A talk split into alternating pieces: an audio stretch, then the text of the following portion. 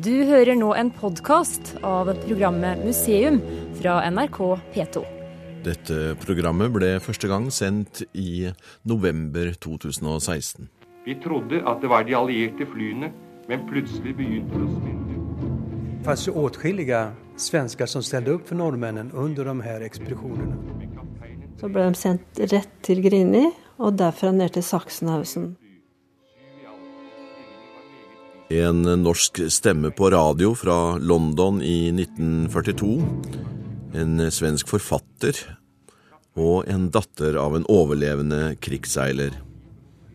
Museum skal i dag handle om dem som forsøkte å bryte den massive blokaden som tyskerne satte i verk i Skagerrak og Kattegat for å bane seg adgang til Norge i aprildagene 1940 og senere.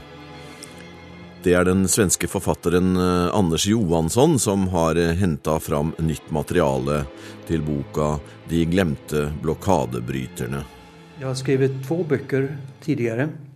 Den första heter på norska eh, Den glemte armé som handlar om hur Sverige tillät Norge att i hemlighet rusta en här på 15 000 man i Sverige från 1943 till 1945.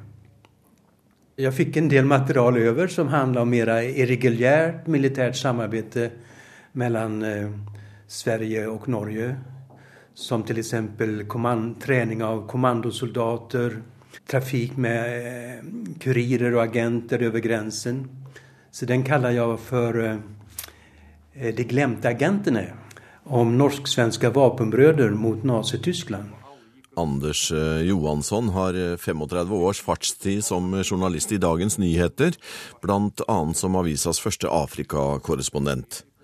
De senere åra har han konsentrert seg om eh, de svensk-norske relasjonene under annen verdenskrig, og nå foreligger den siste boka i triologien. Ja, det börjar faktiskt här på eh, Våxenåsen.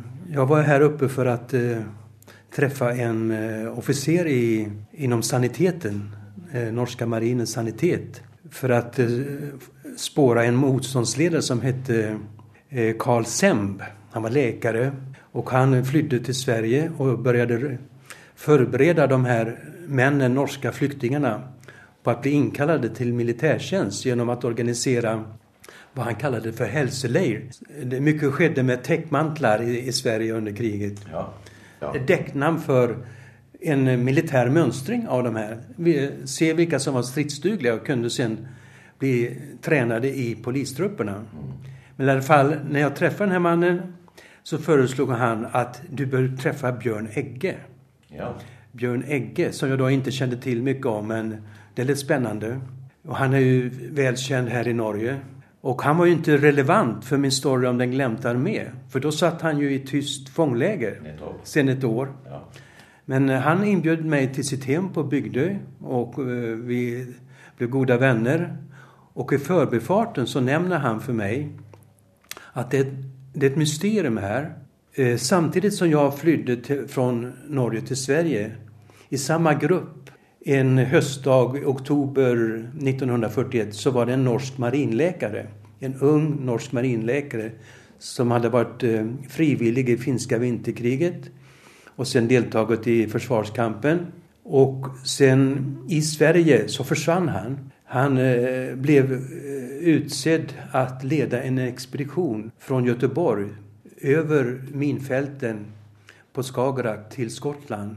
Han själv och eh, 18 landsmän och en svensk ung flygpilot som brann för Norge och ville ansluta sig till det norska flygvapnet. Och den här båten försvann spårlöst. Man, ingenting eh, återfanns av båten, än mindre utav de här eh, männen. Så det var ett mysterium. Så han, eh, han tände mig på idén att försöka spåra upp det här och eh, gräva i arkiven och leta efter vad som egentligen hände. Så det, och de är helt eh, bortglömda. Så de, det, då föddes mitt begrepp att de här var också bortglömda, de glömde blockadebrytarna.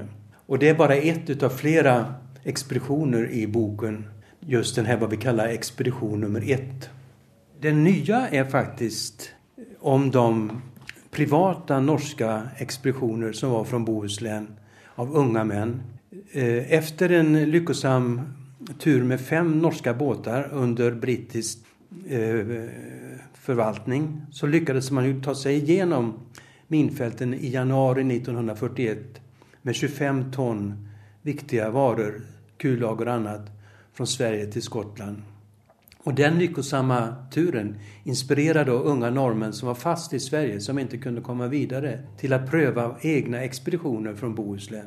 Eh, och jag läste i, i, i starten när um, tyskere var observert eh, till sjöss på väg nordover, att ja. eh, man eh, slukka fyrlyktene ja. helt från var det Öland eller? Ja, längs hela svenska kusten ja, till helt, att börja med. Helt upp till, eh, till, till eh, Strömstad? Ja. Men det intressanta är att på västkusten eh, tändes fyrarna efter några dagar på begäran utav tyskarna. För de ville ha, eh, kunna ha bra transporter genom Kattegatt och Skagen upp till Norge alltså. Och det visar, tycker jag, vem som bestämde då. Det var tyskarna som bestämde att det är dags, nu får ni svenskar tända fyrarna igen här. Det var ju en eh, äventyrlig norrman som var eh, eh, marinattaché på norska legationen i Stockholm. Eh, Hans Peder Henriksen. Ja. Kallad Järn-Henrik. Och han var väldigt våghalsig och startade egna initiativ. Och han ville ju till och med hämta norska unga män i Sverige med ubåt och även med en jagare. Men det stoppades utav eh, brittiska eh, marina ledningen. Det ansågs alltför äventyrligt. Men det vittnar om den, dels hans driftighet att, och initiativkraft. Också den eh, desperation nästan som fanns hos honom att, att hjälpa de här unga norrmännen att komma över från Sverige till Skottland. De var ju fast i Sverige efter att eh, Hitler hade överfallit sin gamle vapenbroder Stalin sommaren 41. Andra världskriget bröt ut 1 september 1939 genom att Hitler eh, överföll Polen. Men därefter var det ju inte mycket landstrider, strider till lands, även om eh, Storbritannien och Frankrike förklarade Tyskland krig. Däremot hände väldigt mycket till sjöss. Eh, tyska ubåtar eh, sänkte handelsskepp och så vidare. Och Churchill insåg tidigt att han, eh, man måste stoppa exporten utav svensk järnmalm till Tyskland. Så det, det engagerade honom väldigt mycket. Man kan säga att Churchill och Hitler var lika fixerade, fascinerade av den svenska järnmalmen som kom ut via Narvik. Och eh, så han planerade eller godkände operationer på svensk mark i svenska hamnar för att man skulle sabotera både hamnanläggningar och båttrafik för att stoppa tysk eh, järnmalmsimport ifrån Sverige. Och där hade han eh, eh stöd och hjälp av en kanadensisk affärsman, Steve, William Stevenson, som jobbade för den brittiska underrättelsetjänsten och eh, han var i Sverige flera gånger och träffade en stor eh, svensk affärsman, Axel Axon Jonsson, eh, som var en stor entreprenör. Han ägde gruvor och eh, rederier och mycket annat. Han hade honom hela eh, linjen, för att bruka ett modernt Ja, det kan man säga. Från malmen till eh, produktion. Ja. Han eh, ställde upp för eh, den här kanadensaren. De hade uppenbarligen haft affärer ihop tidigare. Till en punkt där han istället togs... Han fick eh, uppdrag av svenska regeringen. Och då kunde han inte längre hålla på och planera sabotage mot svenska hamnar liksom. Men det är en story som är väldigt lite känd i, inom krigshistorien tidigare. Och några av de du beskriver är väldigt sammansatta personligheter. Eh, denne briten eh, George eh, Binney, Eh, kan du berätta lite grann om han? Ja, det var en, eh, också en väldigt fascinerande person. Han var prästson. Han var för ung för att eh, få slåss i första världskriget och för gammal för att få vara med aktivt i andra världskriget på fältet. Men han anlitades utav brittiska regeringen för att få över svensk svenska stålprodukter, i första hand kullager från Göteborg och till England. Och eh, han hade som däcknamn att vara handelsattaché i Stockholm. Men i själva verket höll han på med hemliga operationer. Det var han som dirigerade den här första framgångsrika expeditionen januari 1941 med fem fartyg som hade med sig 25 000 ton stålprodukter till England. Och han, han har också organiserat den senare expeditionen som är känd under namnet Kvarstadsbåtarna. Då engelsmännen med tio norska fartyg skulle frakta ännu mer utav kullager och stålprodukter till England. Och med samma båtar skulle flera hundra unga norrmän följa med för att kunna ansluta sig till de allierade trupperna. Men detta hamnade in, det blev en utdragen process. Båtarna belades med kvarstad. De, fick inte, de skulle stanna kvar i Sverige. För både britter och tyskar gjorde anspråk på att det var de som skulle ha eh, tillgång till fartygen. Och den striden gick upp ända upp i svenska högsta domstolen. Att, som bestämde att det är britterna som förfogar över fartygen. Men under tiden ju, hade ju tyskarna förberett sig väldigt väl och låg ute i Skagern och väntade på att de här tio fartygen skulle bryta sig ut ur Göteborg. Så att, och detta inträffade då vid påskhelgen 1942. Och eh, sex fartyg sänks, antingen utav sina egna besättningar därför att man inte ville att eh, lasten, den värdefulla lasten skulle hamna hos tyskarna. Tre fartyg sänks utav tyskarna. Två fartyg lyckas komma igenom till Skottland och två återvänder till Göteborg. Bland annat det, det fartyg där eh, George Binney var ombord. Men jag tänkte bara jag skulle visa dig gamla bilder. Ja. Jag har en sån familjevägg här, jag känner det. Och det är min far då. Det, det är pappa. Nettopp. Ja. Vi är hjemme hos Grete Hervander i Fredrikstad. Hennes far, Arne Hervander, hadde rømt til Sverige sammen med tvillingbroren Ole Ragnar for å forberede seg til motstandskampen. Begge ble med på et av de såkalte Kvarstadskipene, og det var eh, tankskipet Storsten. Fortalte faren din mye om det han hadde vært med på? Ikke så veldig mye. Jeg kan ikke si det. Men det jeg vet, var jo at de dro med Kvarstadbåtene ut i Nordsjøen på vei mot England. Så ble de bomba underveis. Og da bestemte de seg for å gå i hver sin uh, livbåt, disse to brødrene, for å være på Kanskje den ene eller begge to skulle omkomme. Mm. Og da valgte han pappa den som skulle dra tilbake mot Norge. Etter de hadde vært i sjøen i mange timer. Så ble de redda av en norsk fiskebåt, pappa og dem.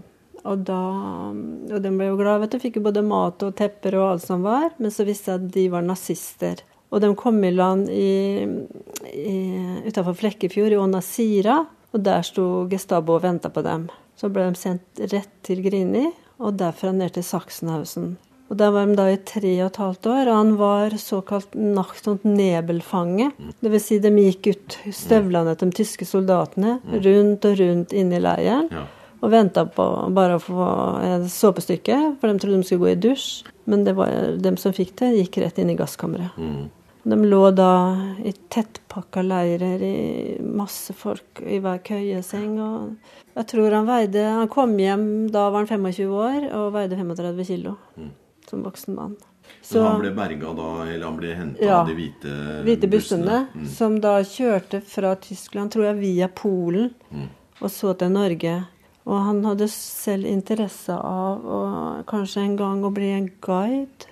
Kunne guide på disse hvite bussene, men så langt kom han aldri da. Så ble han bare 66 år. Ja.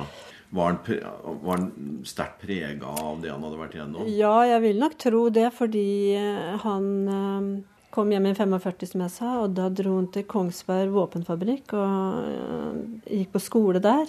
Og så gifta de seg i 47. Mm. Vi hadde ett soverom, mor og faren min med dobbeltseng, og så hadde vi tre køyer oppå hverandre. Mm.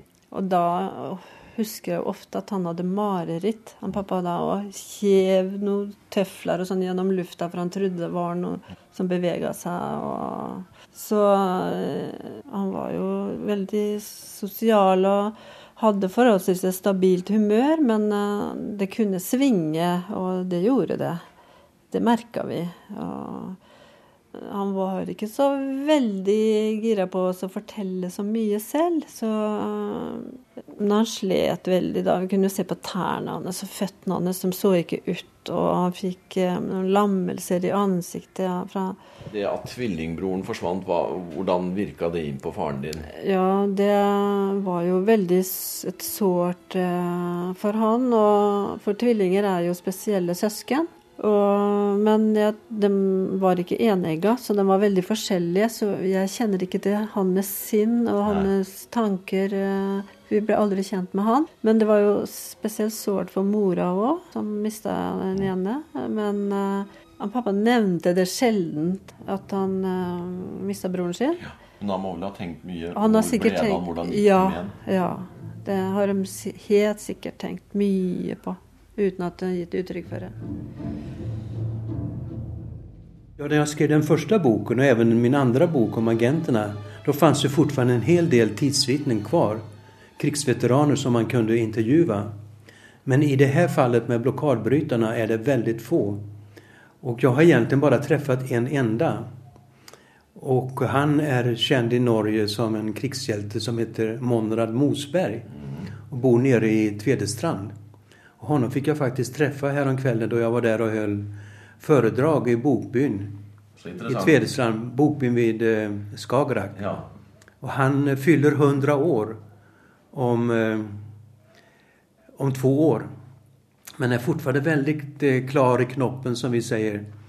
Och eh, vi har haft eh, flera kontakter per brev och telefonsamtal under eh, bokprojektets gång. Och nu fick jag träffa honom öga mot öga.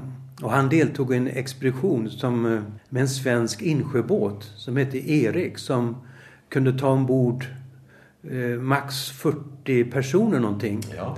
På den här båten hoppade ombord nästan 100 norrmän vid Göta älv. Och eh, två svenska flygvapenpiloter dessutom som hade rymt för att eh, få komma med i det norska flygvapnet i, i England. ja. Och ger sig ut på Nordsjön, först Skagerrak och sen Nordsjön och klarar sig igenom minfälten och allting. Men ute på Nordsjön blir det full storm och motorerna stannar. Eh, och det ena med det andra. Och de höll ju på att gå under där alltså. Det blir en stor katastrof. I rett Ja. Ja. Men den här Monrad Mosberg och två andra kadetter från Horten då, där de hade utbildats, de lyckades få igång motorerna och beslutade sig för att återvända till Nettopp, ja. Bohuslän. Ja. Så de räddas ju. Och de kunde lika väl ha hamnat i det ockuperade Norge eller, eller i, i, i Danmark. Men de kom i, nä- i land i Bohuslän på nästan samma plats där de hade gått ut åtta, nio dagar tidigare. Det er å oppsøke faren to Ja, ganger, ja. visst.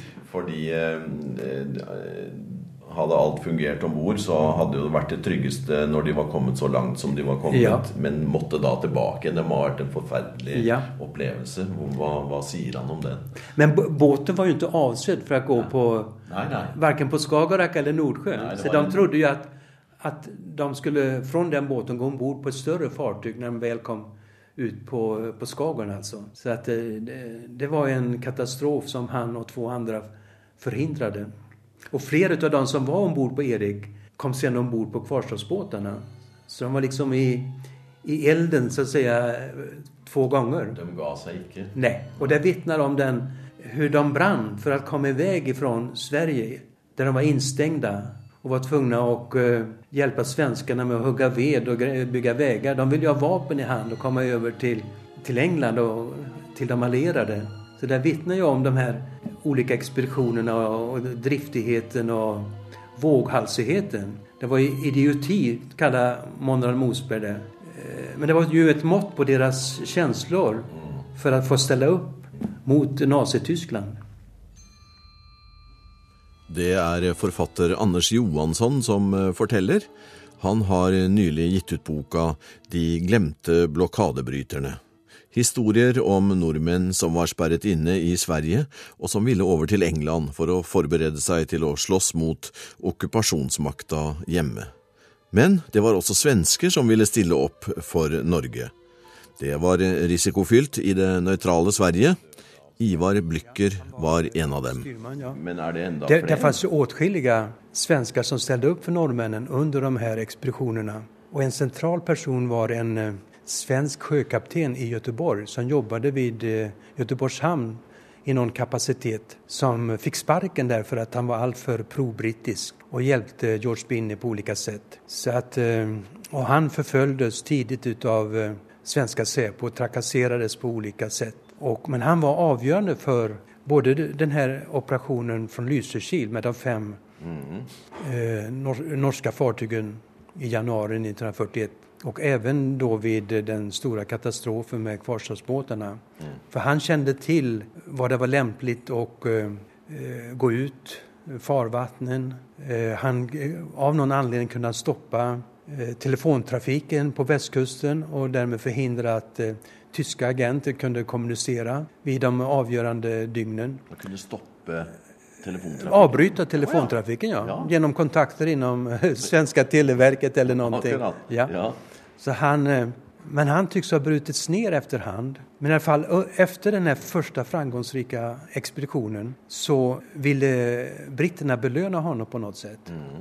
Och, eh, men man kunde inte ge honom en offentlig utmärkelse eftersom Nej. han var medborgare i det neutrala Sverige ja. och i hemlighet hjälpte ja. britterna. Ja. Så då beslöt man att kungen, engelske kungen, som fick rapport om det här hela tiden, skulle skänka honom sina personliga manschettknappar som överlämnades till honom.